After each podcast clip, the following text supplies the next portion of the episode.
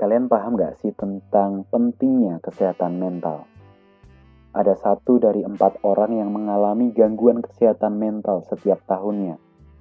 Bahkan WHO melaporkan setiap detiknya terdapat satu orang yang melakukan bunuh diri di seluruh dunia. Angka orang yang kehilangan nyawa akibat bunuh diri bahkan lebih parah dibandingkan jumlah orang yang terbunuh dalam perang. Kalau di Indonesia sendiri, menanggapi isu kesehatan mental masih dianggap sepele, nggak penting. Kalau dengar ada orang yang depresi, dianggap lemah, imannya kurang, kurang doa, kurang berbagi. Apalagi kalau ada yang tahu soal ada orang yang bunuh diri, pasti akan dapat banyak judgement.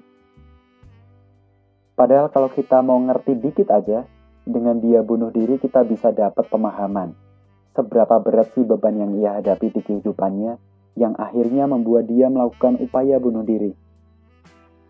Seharusnya nih, kita berempati, merasakan apa yang sebenarnya ia rasain di kehidupan. Bukan justru malah mencaci tanpa sebuah solusi.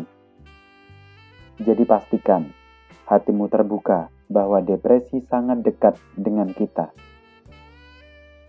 kesehatan mental begitu penting untuk kita pahami. Dan terakhir, apa yang kamu pilih? Berempati atau justru menyalahkan dia yang depresi? Sejatinya depresi juga bisa kamu alami.